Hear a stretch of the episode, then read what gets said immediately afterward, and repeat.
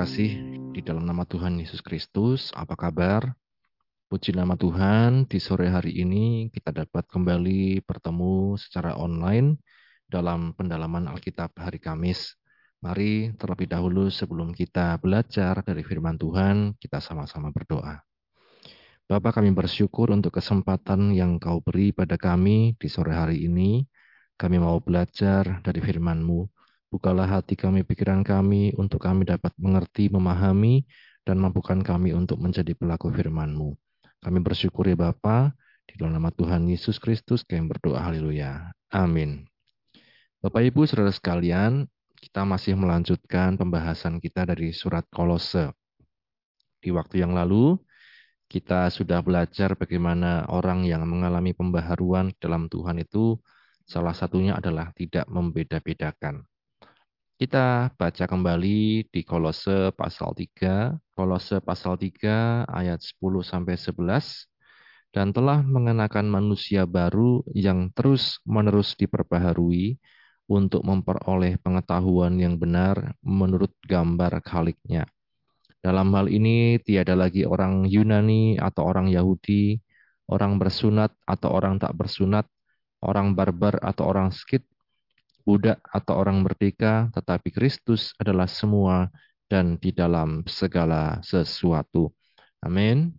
Berbahagia setiap kita yang baca, mendengar, dan juga yang melakukan firman Tuhan. Firman Tuhan katakan terus menerus diperbaharui menurut gambar khaliknya. Yang ditandai di ayat yang ke-11 dikatakan tiada lagi orang Yunani, orang Yahudi, orang bersunat, orang tidak bersunat, kemudian orang barbar, orang skit, budak atau orang merdeka, tetapi Kristus adalah semua dan di dalam segala sesuatu. Ini Bapak Ibu, saudara sekalian yang perlu kita renungkan dalam kehidupan kita pribadi lepas pribadi, ketika kita dikatakan percaya kepada Tuhan Yesus Kristus, mengenakan manusia baru, kita tidak lagi berpikir untuk kemudian membeda-bedakan karena apa? Dikatakan Kristus adalah semua dan di dalam segala sesuatu. Ini prinsip yang berlaku di ayat-ayat selanjutnya. Kita baca di ayat yang ke-12 mulai karena itu sebagai orang-orang pilihan Allah yang dikuduskan dan dikasihinya, kenakanlah belas kasihan, kemurahan, kerendahan hati, kelemah lembutan, dan kesabaran. Sabarlah kamu seorang terhadap yang lain, dan ampunilah seorang akan yang lain apabila yang seorang menaruh dendam terhadap yang lain, sama seperti Tuhan telah mengampuni kamu, kamu perbuat jugalah demikian. Dan di atas semuanya itu kenakanlah kasih sebagai pengikat yang mempersatukan dan menyempurnakan. Hendaklah damai sejahtera Kristus memerintah dalam hatimu, karena untuk itulah kamu telah dipanggil menjadi satu tubuh dan bersyukurlah. Hendaklah perkataan Kristus diam dengan segala kekayaannya di antara kamu, sehingga kamu dengan segala hikmat mengajar dan menegur seorang akan yang lain, dan sambil menyanyikan mazmur dan puji-pujian dan nyanyian rohani, kamu mengucap syukur kepada Allah di dalam hatimu. Dan segala sesuatu yang kamu lakukan dengan perkataan atau perbuatan, Lakukanlah semuanya itu dalam nama Tuhan Yesus sambil mengucap syukur oleh dia kepada Allah Bapa kita. Amin. Sampai di sini kita baca Bapak Ibu saudara sekalian. Kalau saya boleh simpulkan ini dikatakan sebagai output hasil dari orang yang mengenal Kristus. Orang yang mengenakan manusia baru. Orang yang hidup di dalam satu hidup yang baru. Nah, Bapak Ibu, kalau dikatakan di ayat-ayat sebelumnya, matikanlah segala sesuatu yang duniawi, buanglah segala sesuatu yang buruk. Nah, sekarang eh, Paulus katakan kenakanlah manusia baru. Mengenakannya itu dalam bentuk apa? Kita lihat di ayat 12 tadi. Sebagai orang-orang pilihan yang dikuduskan dan dikasih Allah, kenakanlah belas kasihan, kemudian apa? Kemurahan, kerendahan hati, kelemah lembutan, dan kesabaran. Bapak Ibu kalau membaca ayat-ayat ini atau nasihat ini Bapak Ibu akan teringat pada apa? Tentunya adalah buah roh. Galatia 5 ayat 22 dan 23. Tetapi buah roh ialah kasih, sukacita, damai sejahtera, kesabaran, kemurahan, kebaikan, kesetiaan, kelemah lembutan, penguasaan diri. Tidak ada hukum yang menentang hal-hal itu. Kita lihat Bapak Ibu, ada kasih, ada kesabaran, kemurahan, kebaikan, kesetiaan, kelemah lembutan, penguasaan diri, sukacita, damai sejahtera. Ya, seperti juga yang dikatakan oleh Paulus tadi. Dikatakan dikuduskan dan dikasihinya kenakanlah belas kasihan, kemurahan, kerendahan hati, kelemah lembutan, dan kesabaran.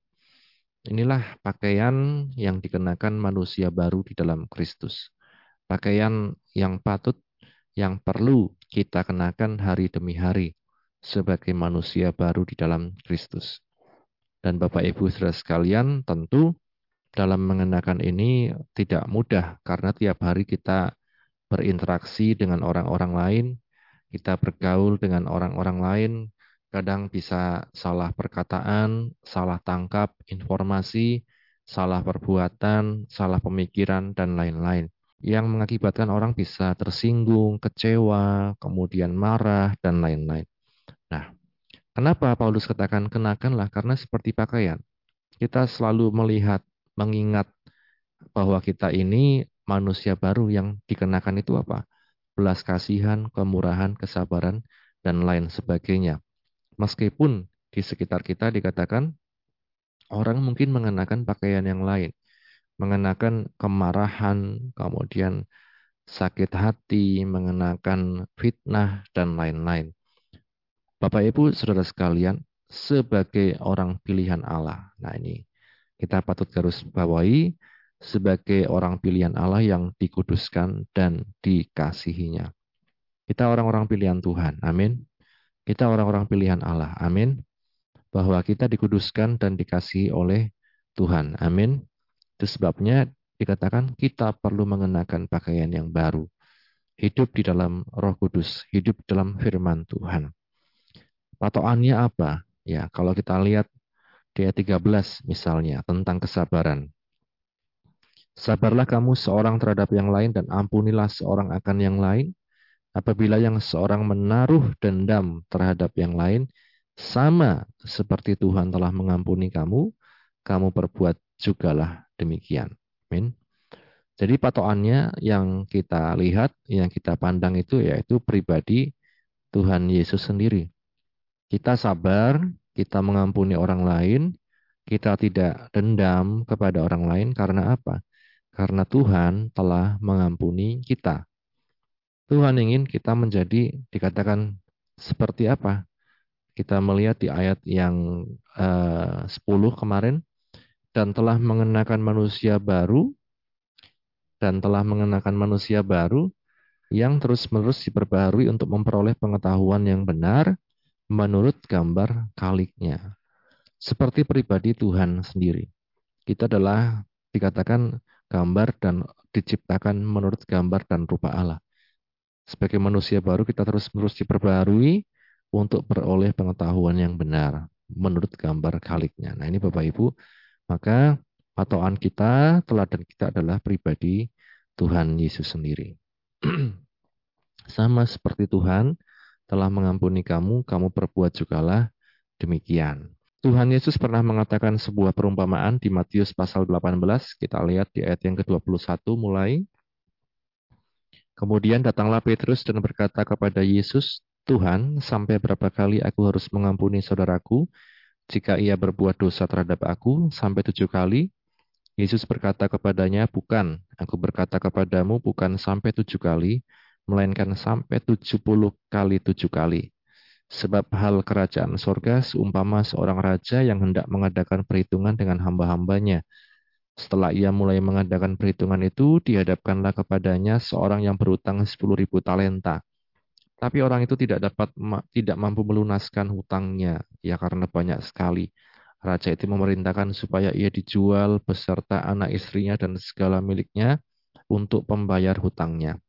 Maka sujudlah hamba itu menyembah dia katanya, sabarlah dahulu, segala hutangku akan kulunaskan. Ayat 27, Lalu tergeraklah hati raja itu oleh belas kasihan akan hamba itu, sehingga ia membebaskannya dan menghapuskan hutangnya. Tapi ketika hamba itu keluar, ia bertemu dengan seorang hamba lain yang berutang seratus dinar kepadanya.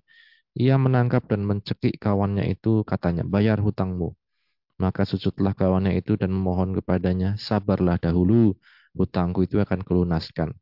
Tapi ia menolak menyerahkan kawannya itu ke dalam penjara sampai dilunaskannya hutangnya. Melihat itu kawan-kawannya yang lain sangat sedih lalu menyampaikan segala yang terjadi kepada tuan mereka.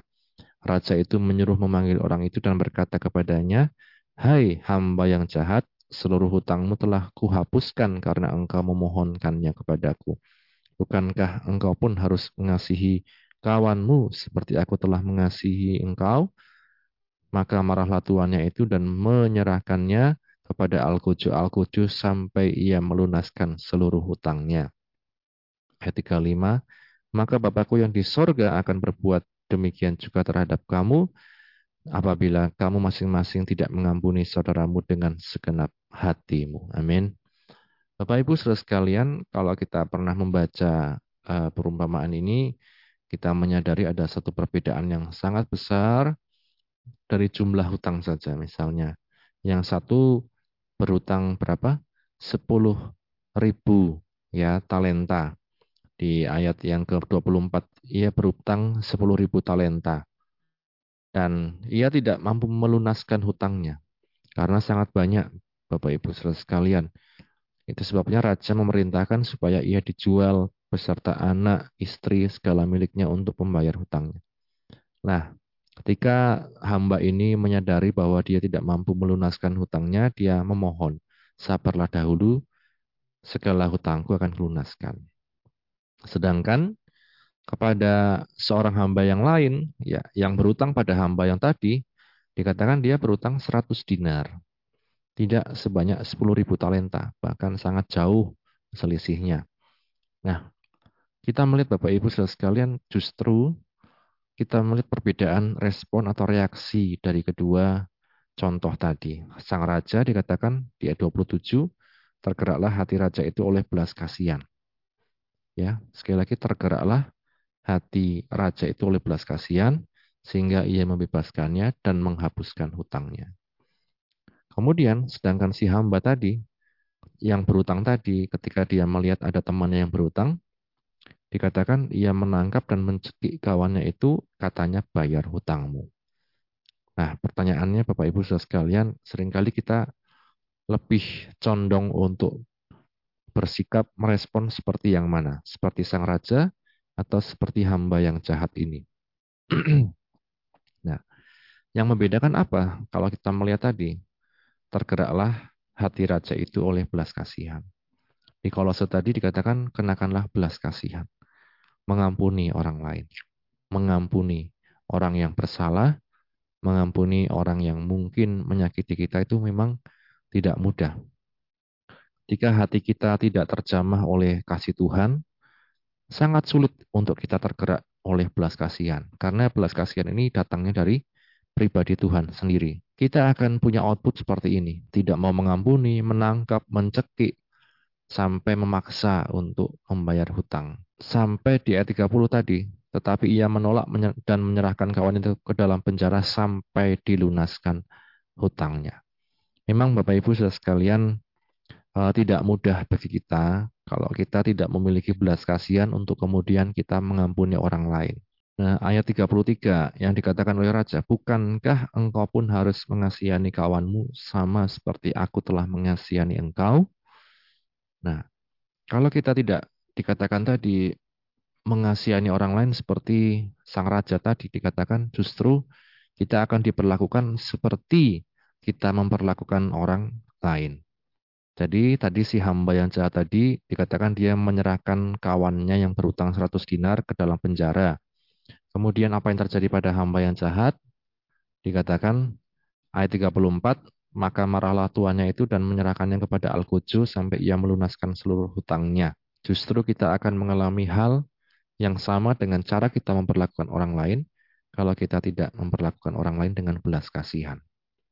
Bapak Ibu kalau kita renungkan apa sih yang Tuhan inginkan dari cerita ini, di 35, maka Bapakku yang di sorga akan berbuat demikian juga terhadap kamu, apabila kamu masing-masing tidak mengampuni saudaramu dengan segenap hatimu.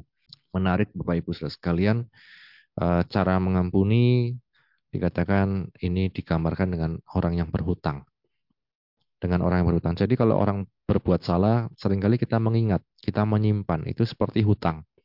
Orang lain berbuat salah sama kita, orang lain berbuat tidak baik, orang lain berbuat yang tidak sesuai dengan keinginan kita, orang lain berkata-kata, mencemooh kita, menjelek-jelekan kita. Kita sering kali simpan dalam hati. Dianggap sebagai hutang. Wah orang itu pernah berbuat jahat sama saya satu kali. Kemudian dua kali, tiga kali. Wah hutangnya sudah banyak Ya, tanpa dia sadari, dia tidak mau minta maaf dan lain-lain. Nah, Bapak Ibu, firman Tuhan katakan bahwa kita perlu meneladani Tuhan Yesus. Ada belas kasihan. Mengampuni itu butuh belas kasihan. Mengampuni itu bukan kemudian kita karena kita anggap, wah saya mengampuni karena saya baik. Bukan seperti itu. Tidak bisa dipaksakan dan tidak bisa dibuat-buat.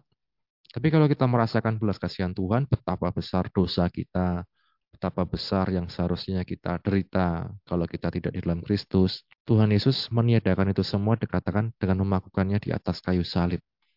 Lewat tubuh jasmaninya, dia menjadi korban penebus, dan segala hutang dosa pun dipakukan di, di kayu salib tersebut. Maka kita menyadarinya Bapak Ibu sekalian. Sehingga kita dikatakan semakin hari semakin mengalami pengertian yang benar tentang gambar pencipta kita. Sehingga setiap hari kita semakin meneladani pribadi Tuhan Yesus sendiri. Kalau dia mau mengampuni orang yang bersalah, orang yang sangat jelek seperti kita, apakah kita juga mau mengampuni orang lain? Seharusnya, kalau ada belas kasihan dari Tuhan, kita pun akan berbelas kasihan kepada orang lain. Sebaliknya, kalau kita tidak berbelas kasihan pada orang lain, kita pun nantinya akan mengalami situasi bagaimana orang tidak berbelas kasihan, bahkan Tuhan tidak berbelas kasihan pada kita. Dikatakan sama seperti hamba yang jahat tadi. Harusnya engkau berbelas kasihan, tetapi karena engkau memperlakukan seperti itu, maka diserahkan kepada Al-Kuju-Al-Kuju. Sampai ia melunaskan hutangnya. Inilah yang hendaknya benar-benar kita pahami. Bahwa patron kita, patokan kita, teladan kita adalah Tuhan Yesus sendiri. Kalau kita sabar sama orang lain, kepada orang lain, kita mengampuni orang lain, bukan karena kita baik, bukan karena kita bisa, tetapi karena Tuhan sudah mengampuni kita terlebih dahulu. Dosa yang tidak terampuni, hukuman yang tidak terelakkan. Kita diampuni oleh Tuhan. Belas kasihan itu hendaknya juga mengalir dalam hati kita untuk bisa mengampuni orang lain. Nah maka di ayat 14 dikatakan oleh Paulus, dan di atas semuanya itu kenakanlah kasih sebagai pengikat yang mempersatukan dan menyempurnakan. Ketika ada pengampunan, di situ kemudian ada kerendahan hatian, satu dengan yang lain, kerendahan hati satu sama lain, dan di situ ada persatuan. Seringkali orang tidak bisa bersatu karena tidak rendah hati, tidak bisa mengampuni, masih menyimpan dendam, dosa, dan lain-lain. Kalau ada orang yang bersalah sama kita, kita hitung-hitung berapa banyak sudah pernah kesalahannya. Boleh kita tulis dalam kertas, dia salah ini, dia salah ini sama saya, dulu dia pernah salah ini, dia pernah ngomong ini sama saya, dulu pernah menjelek-jelekan, dulu pernah berbuat ini, dulu pernah ini berapa banyak. Kemudian kita tulis lagi berapa banyak dosa kita kepada Tuhan. Ya. Apakah pengampunan yang Tuhan berikan pada kita kita benar-benar rasakan, rasapi dan maknai dalam hidup kita? Apakah belas kasihan yang dari Tuhan benar-benar kita rasakan dalam hidup kita? Sehingga kita pun berbelas kasihan kepada orang lain. Kiranya kasih dan setia Tuhan, pengampunan yang dari Tuhan, juga menggerakkan hati kita untuk berbelas kasihan, untuk kita dapat mengampuni orang yang bersalah kepada kita, siapa pun itu. Amin. Mari sama-sama kita berdoa. Bapak kami bersyukur untuk firman-Mu yang telah kami baca, kami renungkan, kami dengarkan Tuhan. Tolong kami untuk meneladani pribadimu, tolong kami untuk berbelas kasihan kepada orang lain, mereka yang bersalah kepada kami, mereka yang pernah berbuat yang tidak baik pada kami Tuhan. Tolong kami Tuhan untuk meneladani pribadimu, mengikuti jejakmu. Mampukan kami dengan kekuatan yang daripada Roh Kudus untuk buah roh itu terus berbuah-buah dalam kehidupan kami, dalam segala situasi dan kondisi. Terima kasih Bapa, berkatilah anak-anakmu yang sudah mendengar firman-Mu Tuhan dalam apa pun yang mereka pergumulkan, mereka pekerjakan kiranya Engkau menolong Tuhan. Mereka yang sakit disembuhkan, mereka yang lemah dikuatkan, mereka yang susah dihiburkan, mereka yang dalam permasalahan berikan jalan keluar ya Tuhan. Terima kasih Bapak, terima kasih. Ini doa kami Tuhan dan hanya di dalam nama Tuhan Yesus Kristus kami sudah berucap syukur. Haleluya. Amin. Puji nama Tuhan, Tuhan Yesus memberkati. Amin.